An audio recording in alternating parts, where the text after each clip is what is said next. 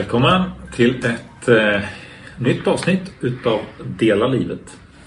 Idag så kommer det att handla om nattvarden. Vi inleder en, en ny serie som vi kallar för Därför. Och vi ska försöka svara på varför då man ska göra en del saker som kristna. Eh, det kommer att handla om nattvarden. Därför firar vi nattvard som det handlar om idag. Det kommer också handla om därför behöver vi församlingen. Därför behöver vi hemgruppen. Därför delar vi med oss av vår tro och därför behöver vi Bibeln.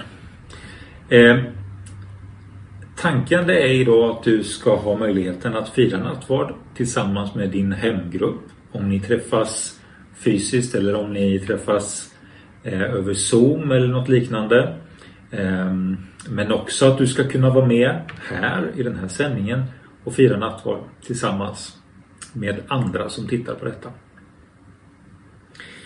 Eh, och du kan redan nu faktiskt, om du vill, förbereda med att ta fram bröd och dryck. Så du har det förberett och kan vara med. Men jag tänkte att vi ska börja med att läsa igenom om den första nattvarden.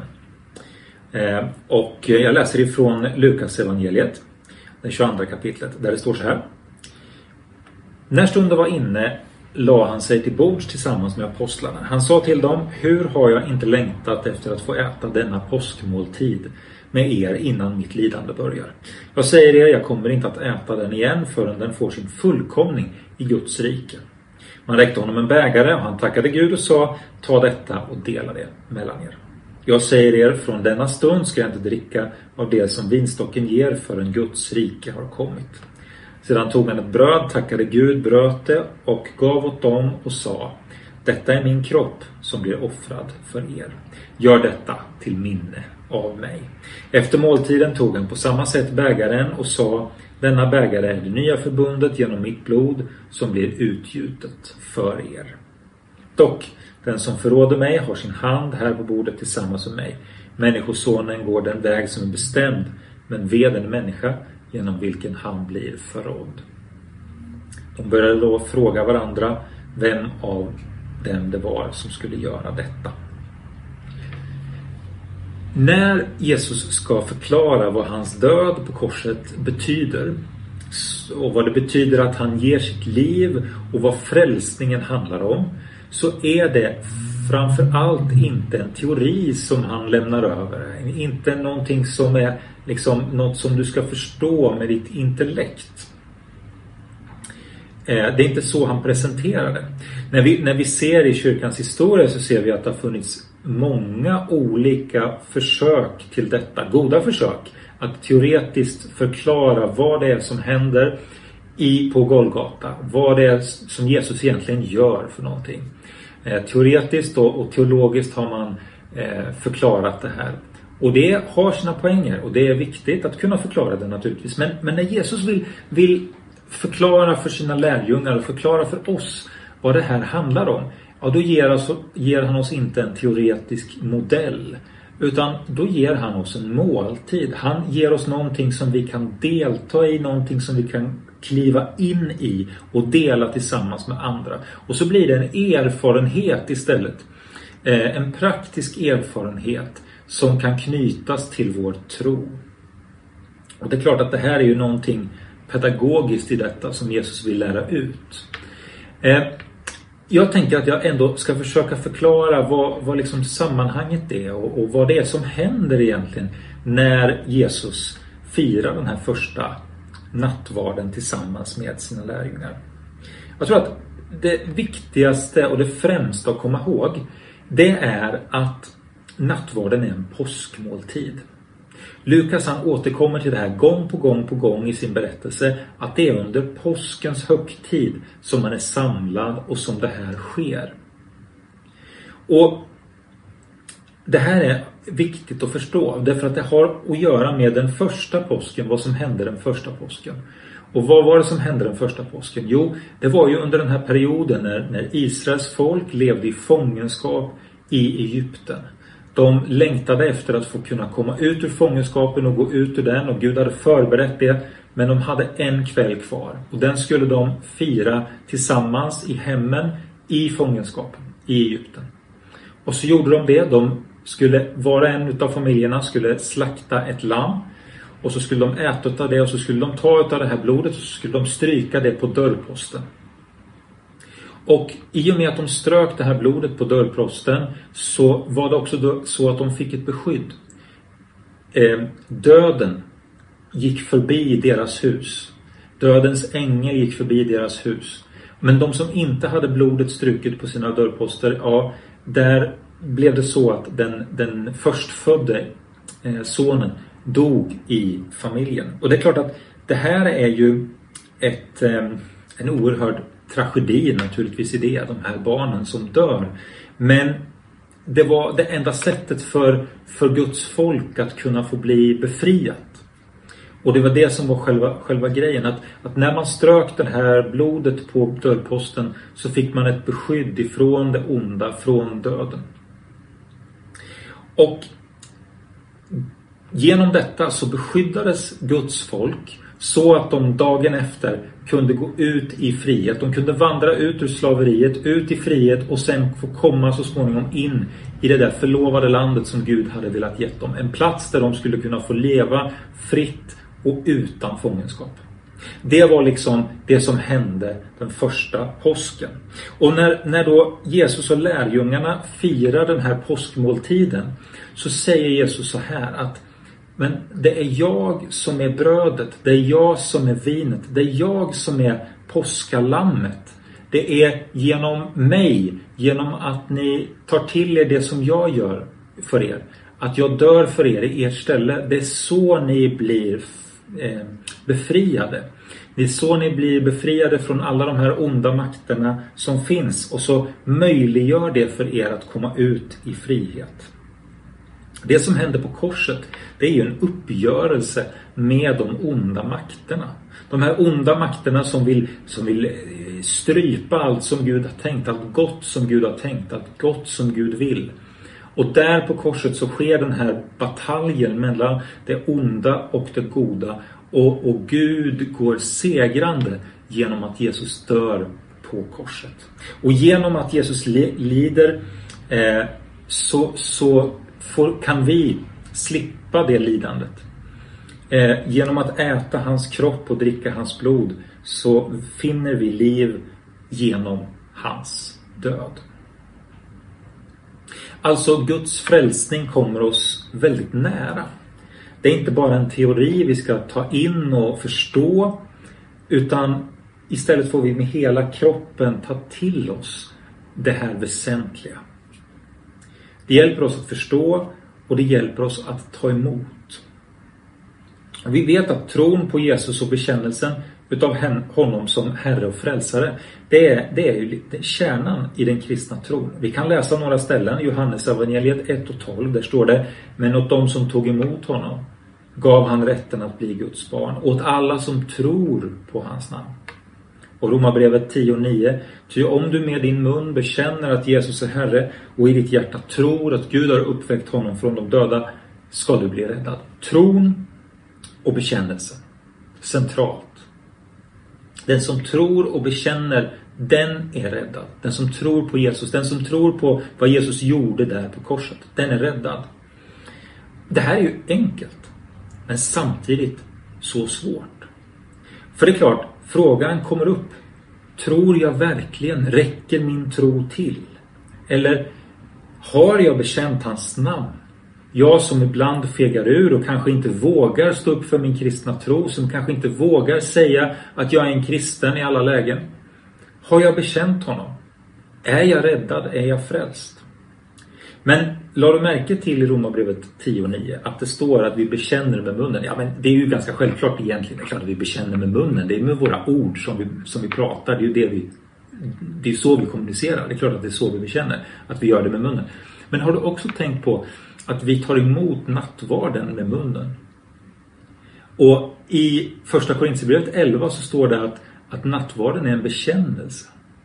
Alltså om vi med vår mun bekänner, alltså om vi med vår mun tar emot nattvarden så är det en bekännelse utav att Jesus Kristus har dött och att han har uppstått och jag delar den tron, jag delar den övertygelsen. Därför är jag här, därför tar jag emot de här gåvorna.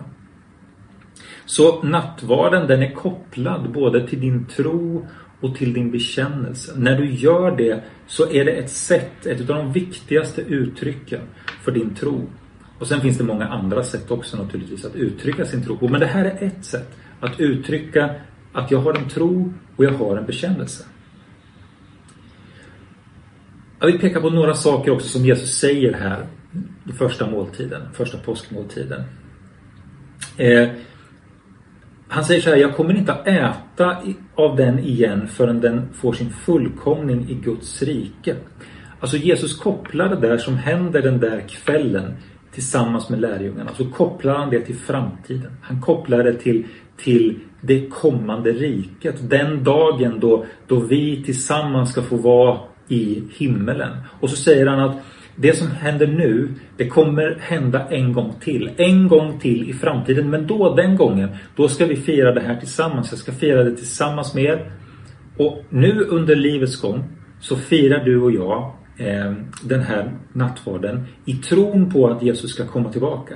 I tron på att han faktiskt finns där eh, när vi firar nattvarden. Han är, han är närvarande genom sin helige Ande.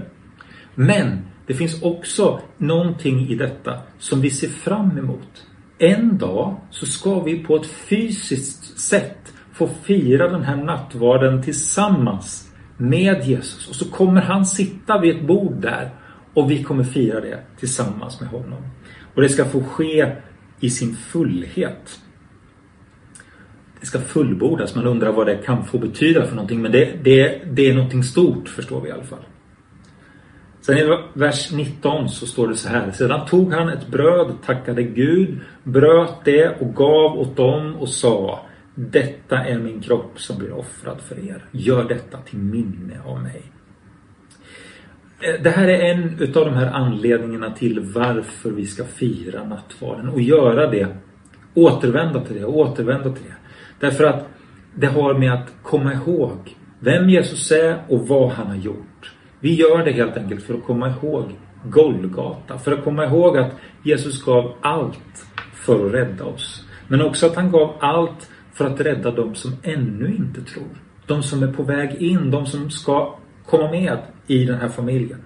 Korset, det är den platsen där himlen möter världen och som öppnar för att människan ska kunna bli Guds barn. Och när vi firar nattvard så får vi gå in i det, komma ihåg det. Det är därför vi firar nattvard. För att komma ihåg, för att bekänna vår tro och för att liksom återkoppla till det som gjord, Jesus gjorde men också rikta blicken framåt mot det som kommer. Det som Gud har för oss. Eh, det förlovade landet som för oss är himlen. Som för oss är Guds framtid. Nu så kommer det komma upp några eh, frågor som eh, ni kan arbeta tillsammans med. Eh, och eh, sen efter det, ni som vill, ska kunna också få vara med här i ett nattvardsfirande. Vi ses snart igen.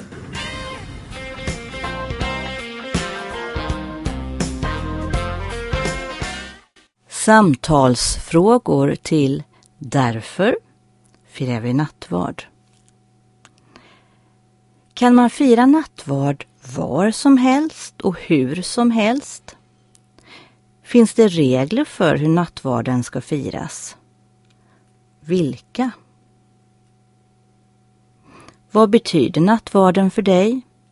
Samtala med varandra om vad nattvarden spelar för roll i ditt liv.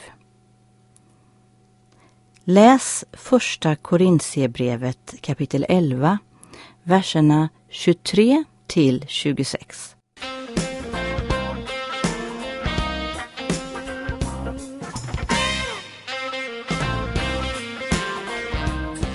Ja, men välkommen tillbaka. Och eh, nu så ska vi läsa, ska jag läsa instiftelseorden från första Korintierbrevet 11. Och så kan du antingen i din grupp fira nattvard tillsammans eh, eller så kan du vara med själv. Om du känner att ja, men vi behöver inte vara med på den här sändningen liksom för, att, för att fira nattvard. Då tycker jag att du ska kan ni stänga av och så kan ni göra det själva. Det som ni behöver det är ju en bibel naturligtvis och ni behöver bröd och ni behöver vin eller någon dryck. Eh, druvjuice eller något sådant. Eh, och eh, så läser ni orden från första Korintierbrevet 11, 23 till 26. Läser ni det tillsammans och så tackar ni för brödet, tackar för vinet och så delar ni detta tillsammans. Eh, och så firar ni nattvard. Men du som är kvar här med mig, välkommen. Nu ska vi fira nattvard tillsammans. Jag läser från första Korintierbrevet 11, 23 till 26. Jag har själv tagit emot från Herren det som jag har fört vidare till er. Den natten då Herren Jesus blev förrådd tog han ett bröd, tackade Gud, bröt det och sa Detta är min kropp som offras för er. Gör detta till minne av mig. Likaså tog han bägaren efter måltiden och sa Denna bägare är det nya förbundet genom mitt blod. Var gång ni dricker av den, gör det till minne av mig. Var gång ni äter det brödet och dricker den bägaren förkunnar ni alltså Herrens död till dess han kommer. Tar vi brödet. Tack Herre för eh, att du dog för oss. Tack Herre för att du gav dig själv, din kropp. Tack för det här brödet som får symbolisera eh, det liv som du gav för oss. Tack Far i himlen för att vi får ta emot det nu i denna stund. Och tack Herre för vinet, eh, drycken som är symbolen för ditt blod som du gav för oss. Tack att vi nu får ta emot det ifrån dig. Tackar dig Herre Jesus för den välsignelse. I Jesu namn.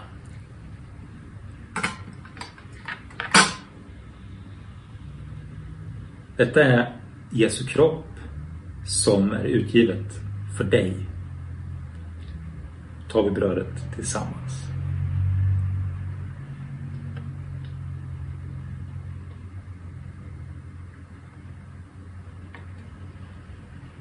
Och så tar vi vinet tillsammans.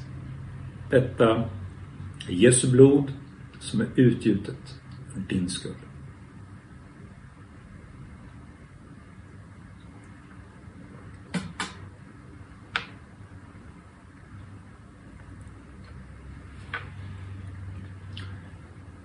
Ta en stund där du är och tacka Jesus för det han gjorde för dig på Golgata. Herre, tack för brödet. Tack för vinet. Tack för det, vad det betyder. Tack att vi får fira detta. Kom ihåg vad du har gjort för oss. Kom ihåg att du en gång ska komma tillbaka. Tack att vi får sträcka oss mot dig. Herre, du ser att vi behöver dig i allt. Och vi tackar dig Jesus att detta får betyda liv för oss. Din död, det betyder liv för oss. Tack för det. Tack att du har förlåtit oss våra skulder och synder, Herre. I Jesu namn. Amen.